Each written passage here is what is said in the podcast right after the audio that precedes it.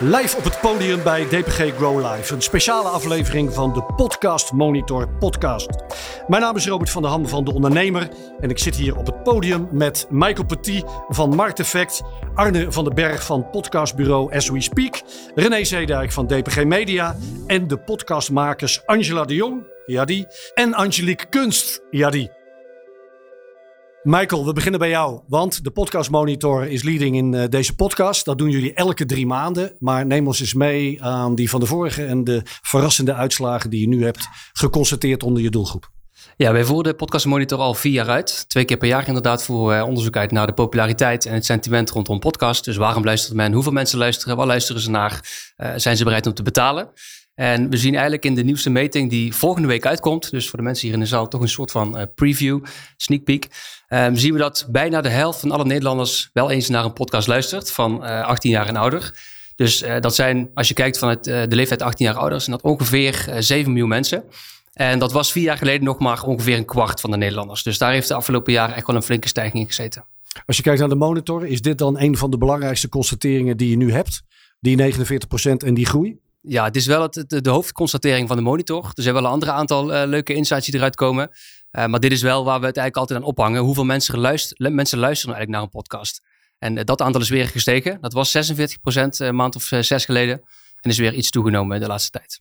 Angelique, dat moet jij gemerkt hebben. Want jij bent begonnen met artikelen over Gerard Sanderink en de zaak Gerard Sanderink en alles wat daar inmiddels bij hoort. Vervolgens werd dat een boek. Inmiddels is dat een zeer succesvolle podcastserie geworden.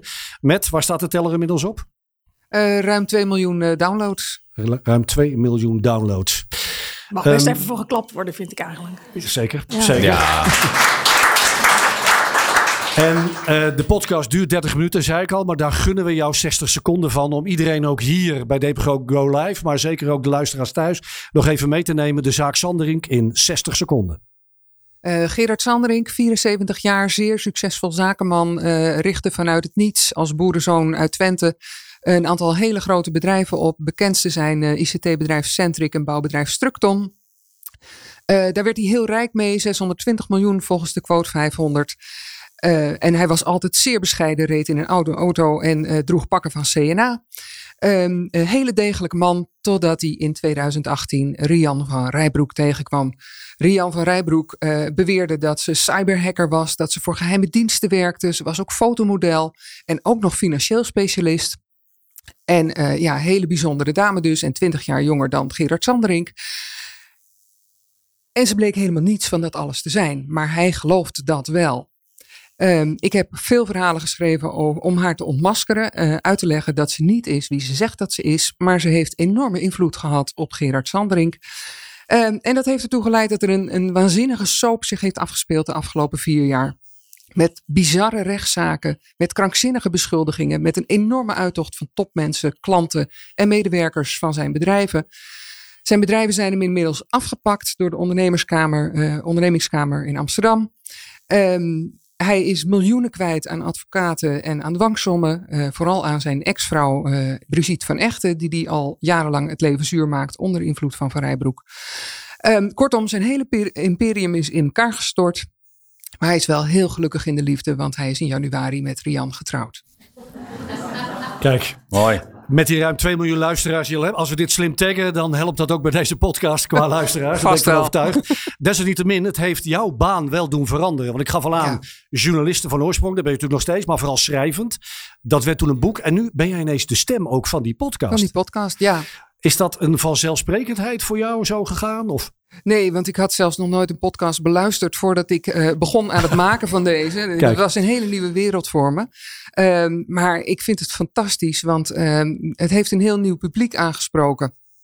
Uh, ik word voortdurend gevraagd door studentenverenigingen, JOVD, dat soort clubs. Uh, echt jonge mensen die uh, de krant niet gelezen hadden, die kenden het boek ook niet. Maar die podcast zijn ze helemaal weg van. En sindsdien zitten ze helemaal in de zaak Sanderink en willen ze er alles over weten. En lezen ze dus nu ook de artikelen daarover. En dat is wel een geweldige ervaring je bereikt een compleet nieuwe doelgroep daardoor. En, en, wat je al zegt, eigenlijk veel meer jongeren die zich dus ja. aangesproken voelen en die op deze manier content tot zich nemen. Ja, absoluut. Ja, Angela de Jong, wat merk jij daarvan? Want je bent ook een van de stemmen van de AD Media podcast. Um, Ben je er ook ingerold? Of was dat voor jou binnen je functie eigenlijk ook een vanzelfsprekendheid? Uh, nou, voor mij niet een automatische vanzelfsprekendheid. Want net als Angelique uh, ben ik zelf niet een enorme podcastluisteraar. Maar ja, je weet hoe het gaat. De hoofdredactie vindt het belangrijk dan dat hij komt. En dan uh, gaan we dat doen. Maar dan moeten er ook keuzes gemaakt worden. Want je schrijft de column. En je bent ja. veel te zien ook op tv. overigens op radio natuurlijk sowieso ook. Wanneer bepaal je dan wat je waar gaat vertellen? Wie krijgt die primeur? Is dat eerst print krant? En of daarna radio? Of in welke volgorde pak je dat aan? Nou ja, weet je, op zich bepaalt het medium zelf ook wel een beetje wat het is. De column is mijn mening. En uh, die gaat iedere dag door. Dus die is eigenlijk altijd de eerste. Maar uh, wat, wat we heel erg merkten, wat met podcast heel leuk is, die ik samen maak met mijn uh, collega's Dennis Jansen, Mark Den Blanke en Manuel Venderbos. Maar vooral Mark en Dennis, die lopen ook heel erg in het veld. Dus die horen dingen. En, uh, of ik hoor eens wat achter de schermen van het programma. En dat kan altijd niet meteen een, een, nieuwsartikel worden, want het is nog een gerucht. Je hebt er wel twee mensen over gehoord, maar er wordt heel veel geluld in de mediawereld. Dus je weet nooit of de bron die, je, die zij dan hebben, of het niet toevallig dezelfde is als jij. Uh, maar zo'n podcast geeft je heel veel vrijheid om ook daarover te praten. Van joh, er, gaat een gerucht, wat denken jullie, zou het kloppen? Uh, zonder dat je meteen een nieuwsbericht hoeft te tikken van dit is wat het is. En juist ook die hele bus die je dan vangt, die is ook wel kenmerkend voor de mediawereld. En dat is weer iets wat niet in mijn column zit. Dus het versterkt elkaar ook op deze manier. En ik merk ook net als Angelique dat er gewoon een heel andere doelgroep voor die podcast is. En dat er voor mijn columns is. En dat het elkaar ja, wel versterkt. Want mensen gaan daardoor die column lezen. Of nou ja, ze komen sowieso met iemand in aanraking. Terwijl ze de columns niet, niet, totaal niet lezen. De, als ik je zo wil praten, is de open deurvraag van vandaag natuurlijk ook: waar blijft Angela, de podcast? Maar die heb ik. Ik bedoel, wat moet ik nog meer? Ik bedoel, moet ik dan gaan doen wat ik iedere dag doe? Nee. Nee. Nee. nee. nee. Een gesproken column? Nee, ja, daar zijn ook wel eens een paar keer balletjes over opgegooid. Maar er zitten maar 24 uur in de dag. Hè. Ik moet het wel allemaal ook doen. Dus dat zie ik niet zo snel gebeuren. Nee. Er zijn niet alleen uh, podcasts voor consumenten, die worden wel degelijk ook voor uh, het bedrijfsleven, voor B2B gemaakt. Uh, Arne, als we kijken naar de zakelijke doelgroep en de zakelijke podcast waar vraag naar is. Wat merk jij vanuit de markt? Waar vragen ze bij As We Speak om? Nou, in het begin hebben ze met name gevraagd om gewoon podcast voor een bedrijf. Dus uh, voor interne communicatie, externe communicatie kon alle kanten op. Uh, inmiddels merk je wel dat die vraag ook wat breder wordt. Het wordt ook van, oké, wij willen iets met een podcast, maar we weten eigenlijk niet precies hoe. Uh, dus we hebben daar een simpel funneltje voor gemaakt met een paar goede vragen. Om uiteindelijk te, makkelijk te kunnen beoordelen of een eigen podcast nou wel zo relevant is voor een bedrijf. Of dat ze beter pre-rolls, mid-rolls, post-rolls kunnen inzetten. Of dat ze via een host read aanwezig kunnen zijn in een podcast. Dus die vraagstelling die gaat wel zeg maar wat, wat breder dan in het begin van een 2,5 jaar geleden toen we begonnen zijn. Dus hebben ze goed door wat er allemaal kan? Of andersom, wat er eigenlijk niet moet, anno nu in een podcast?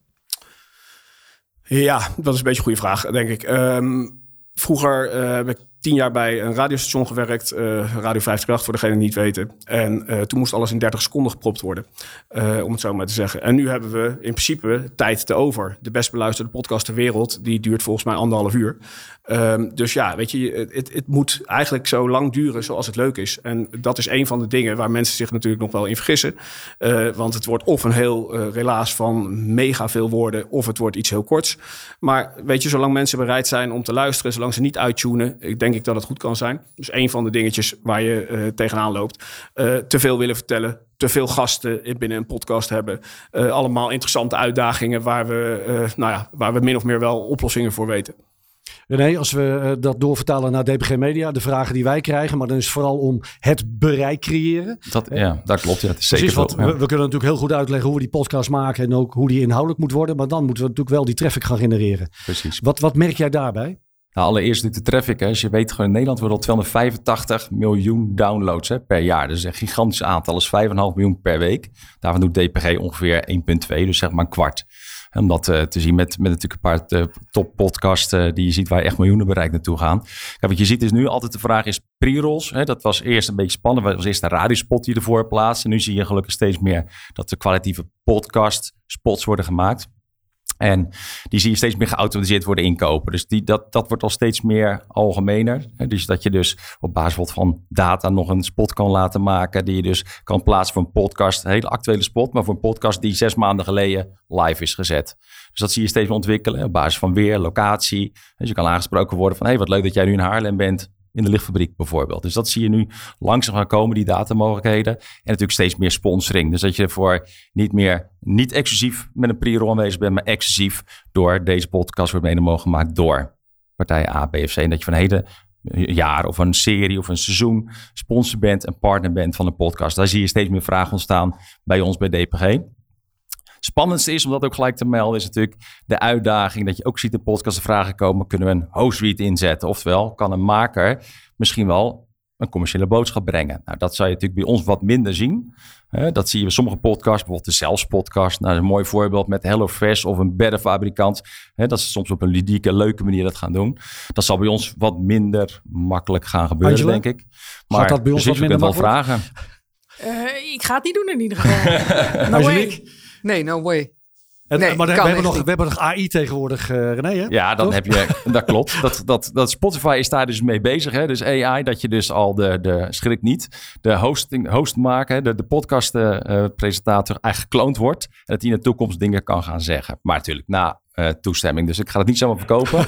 Maak je daar geen zorgen over. Nee, wat je wel steeds bij ons meer zal zien is de guest read. Dus dat, dat een autoriteit, hè, dat kan prima zijn, een, financiële adviseur van de Rabobank die elke maand iets gaat vertellen over de financiële markt in een podcast die ertoe doet.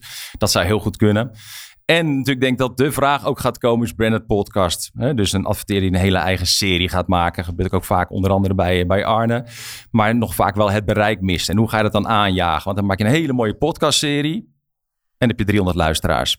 En dan is het toch even balen. En dan denk je, oké, hoe gaan we dat nou voor elkaar krijgen? Want dat is toch de lange adem hebben, langere tijd aanwezig. Ja, dat moet je meer doen om te kijken van, kan je dat dan aanjagen of met een advertentiecampagne? En wij zijn bij DPG nu langzaam aan het kijken of we dat niet af en toe mee kunnen nemen in een afspeellijst op bijvoorbeeld Spotify van de voetbalpodcast bijvoorbeeld. Dat je daar dus, of in het wiel, om die hoek zag ik net allemaal gezellen staan. Nou, als Gezellen een eigen podcast maakt, zou het heel logisch zijn als het met wielrennen te maken heeft, om dat in die serie van eh, het wiel te plaatsen. Michael, de podcast monitor. Uh, ook als we even naar de, de volgende slide kunnen. Dan voor de luisteraars thuis. We gaan het nu hebben over het momentum. Dus wanneer luisteren we vooral. Want het is natuurlijk ook cruciaal om dat bereik te pakken. Het waarom en het wanneer. Wat zie je daar in het onderzoek terug? Ehm, als je kijkt naar wanneer men luistert en, en waar. Nou, sowieso waar, vooral thuis. Maar ook onderweg.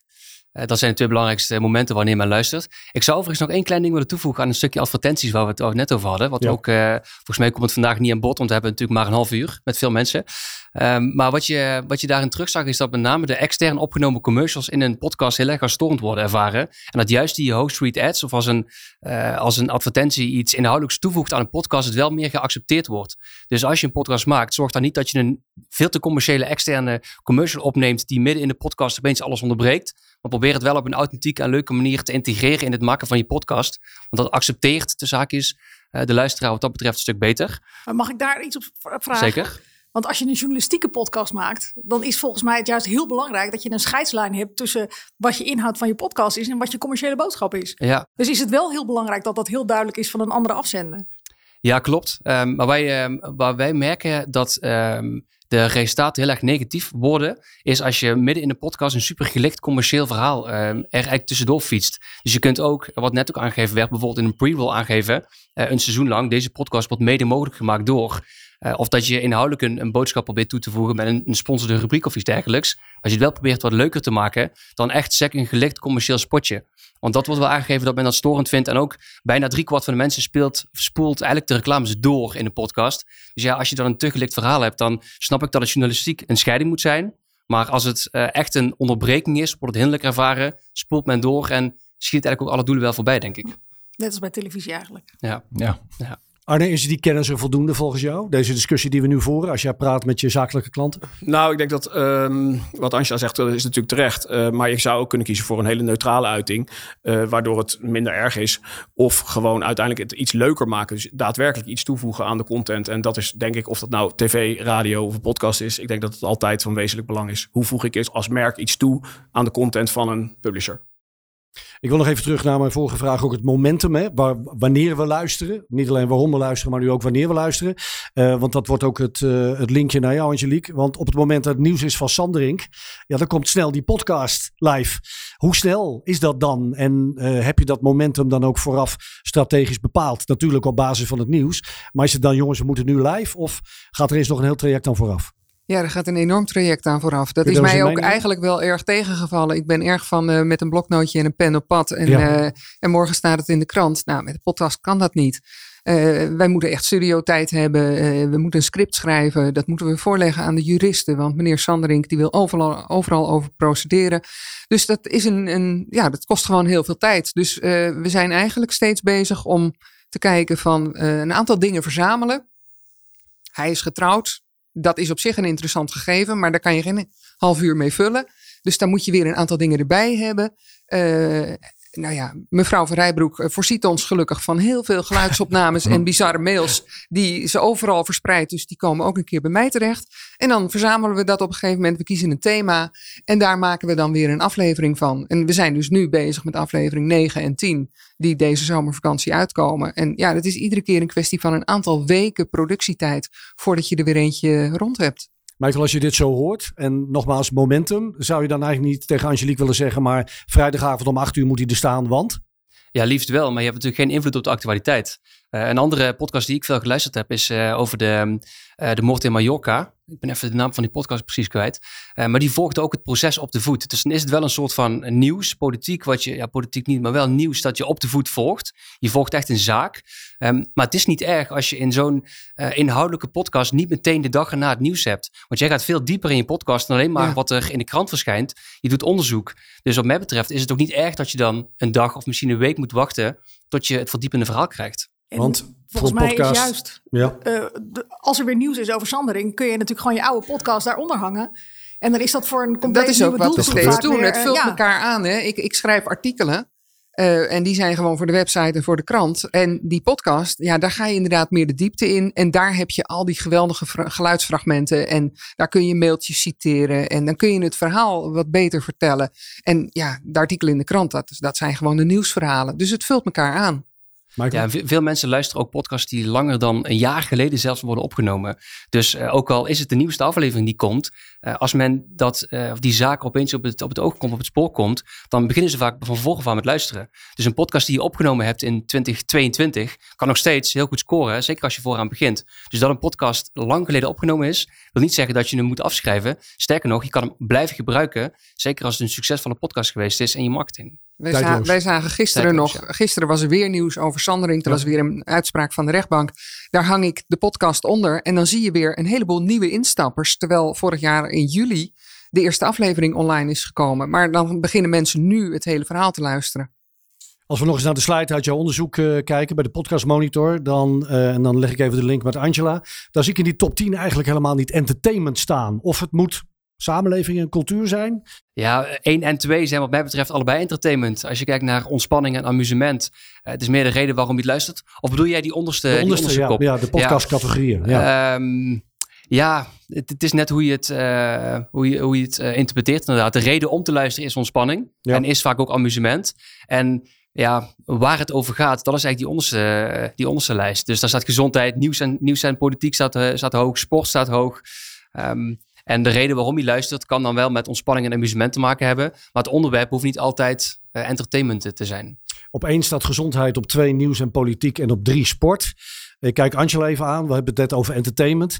Uh, kun jij drie podcasts opnoemen in de categorie entertainment, bekende Nederlanders, waarvan je zegt, maar die volg ik altijd? Geen één. Kijk, ik kan, ik kan er wel een paar noemen, want ik bedoel, er is een enorme wildgroei. Ik geloof dat je als BN'er niet meer meetelt als je niet je eigen podcast hebt. Of twee zelfs. Maar ik, ja, ik luister echt heel weinig. En waarom is dat? Nou ja, omdat ik al uh, minstens tien uur per dag televisie kijk. En uh, ja, en hoe heet het, dan ben ik er nog niet. Want ik loop achter met Anoniem. Ik loop achter met uh, De Droom van de Jeugd. Ik moet vanavond naar Renze om over 1985 te praten... waar ik ook nog twee afleveringen van moet kijken ja, um, ik vind het af en toe ook wel eens heel fijn als het even stil is. En als ik niks hoef. Of niks hoef te volgen of ergens een mening over. En ja, ik ben nooit een enorme luisteraar geweest in de auto, maar dan heb ik de radio aan, Radio 1. Dus ja, ik ben, ik ben echt niet het goede podcast uh, publiek. Nee. Dus eigenlijk hebben we je zus nodig, Angela 2.0, om die podcast op te pakken en daar. Uh, nou ja, mijn kinderen zijn denk ik uh, de gebruikers van de toekomst, maar die zijn ja. er nog net iets te jong voor. Oké, okay, oké. Okay. Ja. René, als wij kijken naar die categorieën, de, de populaire podcastcategorieën, en we kijken vooral naar de content die wij ook zelf maken, waar we heel veel op scoren, is misdaad. Daar pakken we de traffic op. Als we dat kunnen vertalen naar zakelijke kansen.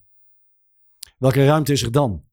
Ja, dan zal het zijn dat ik net al een beetje aangaf dat je echt gaat profiteren van het bereik wat wordt gerealiseerd. Het bereik van 2 miljoen podcasts bijvoorbeeld. Om daar met uh, daarbinnen adverteerders de mogelijkheid te geven. Net zoals brand content in de krant of op de website. dat ook wordt geplaatst in een redactionele omgeving. Maar wat als maar duidelijk is dat het een commerciële afzender is. En dat is natuurlijk een beetje altijd spannende. Is dat duidelijk? Hè?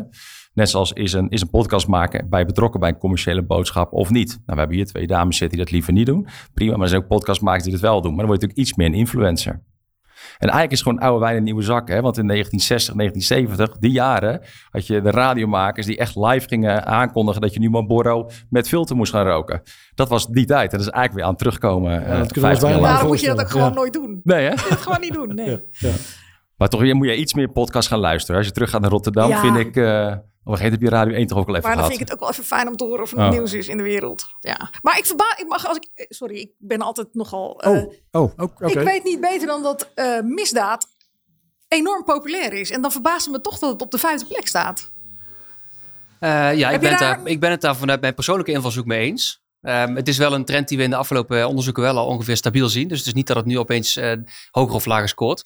Maar zo'n voorbeeld ook als Gerard Sanderink. Is dat, is dat misdaad? Is dat politiek? Is dat nieuws? Het is misschien ook net welk beestje je naam geeft. En uh, de misdaad is wat mij betreft echt true crime. De, de, de moordoplossingen of de cold cases die, ehm, uh, ja, die niet opgelost zijn en die zo besproken worden. Dat zijn er in aantal ook gewoon een stuk minder dan de nieuwspodcast. Je hebt de Dag, je hebt de Volkskrant, je hebt NRC die allemaal een, een dagelijkse podcast hebben. Dus het aanbod is daar een stukje lager. Dus ik denk dat daar wel ook uh, groot mee te maken heeft. Maar voor mijn gevoel ook, want ik luister ja. ook best wel veel podcast. Uh, het grootste gedeelte heeft wel met nieuws of met sport te maken. Maar ook altijd wel eentje die te maken heeft met nieuws of, of sorry, met true crime of met misdaad. Gewoon vanuit pure ja, persoonlijke interesse. Je ziet het een enorme vlucht nemen. Zeker. Ja. Als we kijken naar de advertentiebudgetten uh, richting digitale audio in 2022, dan praten we over zo'n 10 miljoen aan investeringen. Dat is een uh, 4% en een beetje. Dat is digitale daarbij, audio is dat. dat puur ja. digitale audio. Um, 2025, waar gaan we dan over hebben René? Wat is, is dit dan echt die groeimarkt, ondanks al die kansen? Het gaat erom dat we natuurlijk die audiomarkt gaan vergroten. Hè? Ja. Dus het is nu spannend. Volgende week uh, wordt het dan allemaal geboden op de FM-frequenties. Nou, daarna gaan natuurlijk weer nieuwe spelers komen. Ja, die zullen zich ook absoluut gaan roeren meer op uh, online radio, dus de online markt en podcast. Dat zal echt wel gaan gebeuren. Dat kan me haast niet voorstellen dat dat niet zo is. Uh, en dan gaat die markt zal, gaat heus wel wat groeien. Maar het gaat nog langzaam hoor in Nederland vind ik uh, met podcast. Want het is natuurlijk een enorm aanbod aan mogelijkheden. Maar commercieel volgt altijd jaren later. dat is gewoon zo. Arne, ervaar je dat ook zo? Ja, ik denk dat dat uh, ook geldt voor de budgetten voor het maken van podcasts. Uh, ik denk dat we nog steeds in een soort van experimenteel stadium zitten. Waarin uh, we allemaal nog een beetje moeten wennen. Dat het niet altijd voor 300 euro kan als je wens A tot en met Z hebt. Um, dus ik denk dat we daar de komende jaren wel gaan zien dat dat gaat stijgen. En ik denk dat het ook een schone taak ligt voor alle podcastmakers. Om te zorgen dat dat een beetje omhoog gaat. We gaan naar het betalen voor een podcast. We doen dat natuurlijk deels al via Podimo onder meer.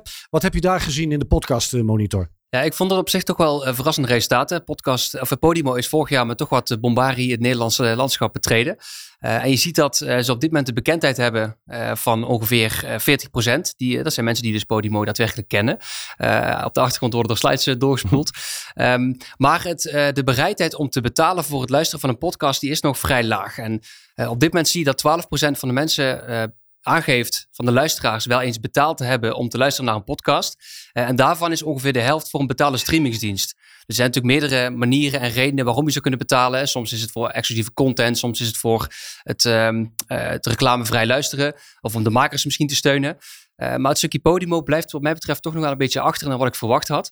Um, 5% van de mensen die dus wel eens betaald heeft, of die geluisterd heeft, heeft dat gedaan met een betaald Podimo-account. En van alle mensen die Podimo kennen, maar geen betaald account hebben, zegt maar ongeveer 11%, joh, dat zou ik misschien toch wel willen, willen aanschaffen in de toekomst of overwegen om te gaan doen. En mensen die Podimo niet kennen, hebben een omschrijving voorgelegd van wat is Podimo, He, zou je daar een abonnement op willen aanschaffen. Uh, ook daar geeft maar ongeveer 11, 12% aan dat ze dat zouden, zouden overwegen om te gaan doen. Dus um, ja, daar um, denk ik wel dat een flinke uitdaging zit voor Podimo om, uh, om veel omzet te kunnen, te kunnen draaien. Angelique, Angela, met jullie journalistieke hart kloppend hier. Stel dat jullie podcast, AD Media Podcast en in de band van Rian alleen achter die betaalmuur te beluisteren zou zijn? Ja, daar zou ik op zich geen problemen mee hebben. Ik bedoel, ik vind uh, go goede content. Ja. Maar de artikelen die ik schrijf staan ook heel vaak achter een betaalmuur. Ik moet ook betaald worden. En ik vind het heel fijn als mensen bereid zijn om daar een stukje aan bij te dragen. Ja. Angela? Nou, daar sluit ik me geheel bij aan. En ik denk wel dat de bereidheid van mensen, zeker ook de jongere generatie, die is veel groter geworden om te betalen voor iets. Ze betalen voor Spotify, ze betalen voor Netflix. Dus ook op termijn wel voor podcast. Het enige is, denk ik, dat je nog zoveel gratis kan krijgen. Ja, dat is het. Hè. Er dat, zijn het- zo... dat, je, dat je niet denkt van, nou, Ja. nou om alleen daarvoor, specifiek voor die te gaan betalen, dat geloof ik wel. Nee, dat is het. Er is, als je een podcast wil luisteren, je kunt zo ontzettend veel podcasts luisteren. Waarom zou je dan nog voor dat kleine plukje wat achter een betaalmuur zit, een abonnement af kan sluiten van 5 of 8 euro per maand? Ik weet niet wat het precies kost. Terwijl je ook ja, meer zo- dan aan je trek komt als je, als je gratis podcast kunt Zo luisteren. zijn we ook begonnen met internet. Ik bedoel, in het begin stond er eh, helemaal niets van onze krant eh, achter een betaalmuur. En nu wel. Ja. Eh, ja, je moet ergens beginnen. Je moet het inderdaad opbouwen, denk ik. Ja, dus op dit moment eh, is de bereidheid er nog niet heel veel, maar misschien dat het in de komende jaren wel toe gaat nemen. Zou dat iets doen met de waarde ook, René, van een podcast die je zou kunnen verkopen? Hij is alleen maar te beluisteren achter een betaalmuur. Daardoor kunnen we die data beter vangen. Weten we dus kwalitatief wie er luisteren. Het is bijna een pitch. Dit kun je verkopen. Ja, maar dat klopt. Kijk, wij hebben natuurlijk twee werelden. We hebben ook acht eigenlijk de betaalmuur, wat, wat al gezegd wordt. Hè. Dus bij ons, kijk, en daar, daarom denk ik heel erg Podimo. Dat gaat voorlopig echt niks doen. Dat denk ik echt, want eh, je ziet dat 95% van iedereen die luistert via Spotify, Google, Apple. En een klein gedeelte zijn echt de abonnees die luisteren op de eigen platformen. En Podimo is echt heel erg klein. En zodra, zolang daar niet mega unieke content gaat komen, heb je gewoon de consumenten niet. Dus kan je nooit je, groot businessmodel gaan creëren. Dat gaat niet, want die consumenten zi- zijn er niet. Dus ik denk dat voorlopig niet gebeurt, maar dat moet worden betaald. Of achter een login, of betaald, of middels advertising. Ja, tuurlijk, dat, dat kan niet anders. Maar nu zie je in Nederland de grote publishers, DPG, eh, FD, eh, Mediahuis, die zijn natuurlijk al de grote partijen die met name de podcast nu leveren voor een heel groot gedeelte. Dat is gewoon zo. De grote kwalitatieve podcast heb ik het over, hè? Waar die- wordt gerealiseerd. Als die nou de handen ineens zouden slaan en die zouden gewoon een platform bouwen, het Nederlands. Tuurlijk, dat zou heel goed kunnen. Ik denk uiteindelijk dat je daar wel naartoe moet. Want kijk, nu kan je alles nog op Spotify doen, ook als publisher. Maar op een gegeven moment gaat Spotify zijn hand opsteken en zeggen: Zo, daar wil ik nu 30% van. En dat gaat natuurlijk wel een keer gebeuren. En dat zal niet morgen zijn, maar dat kan wel over vijf of tien jaar. Dus je ziet nu dat Spotify zegt, kom maar.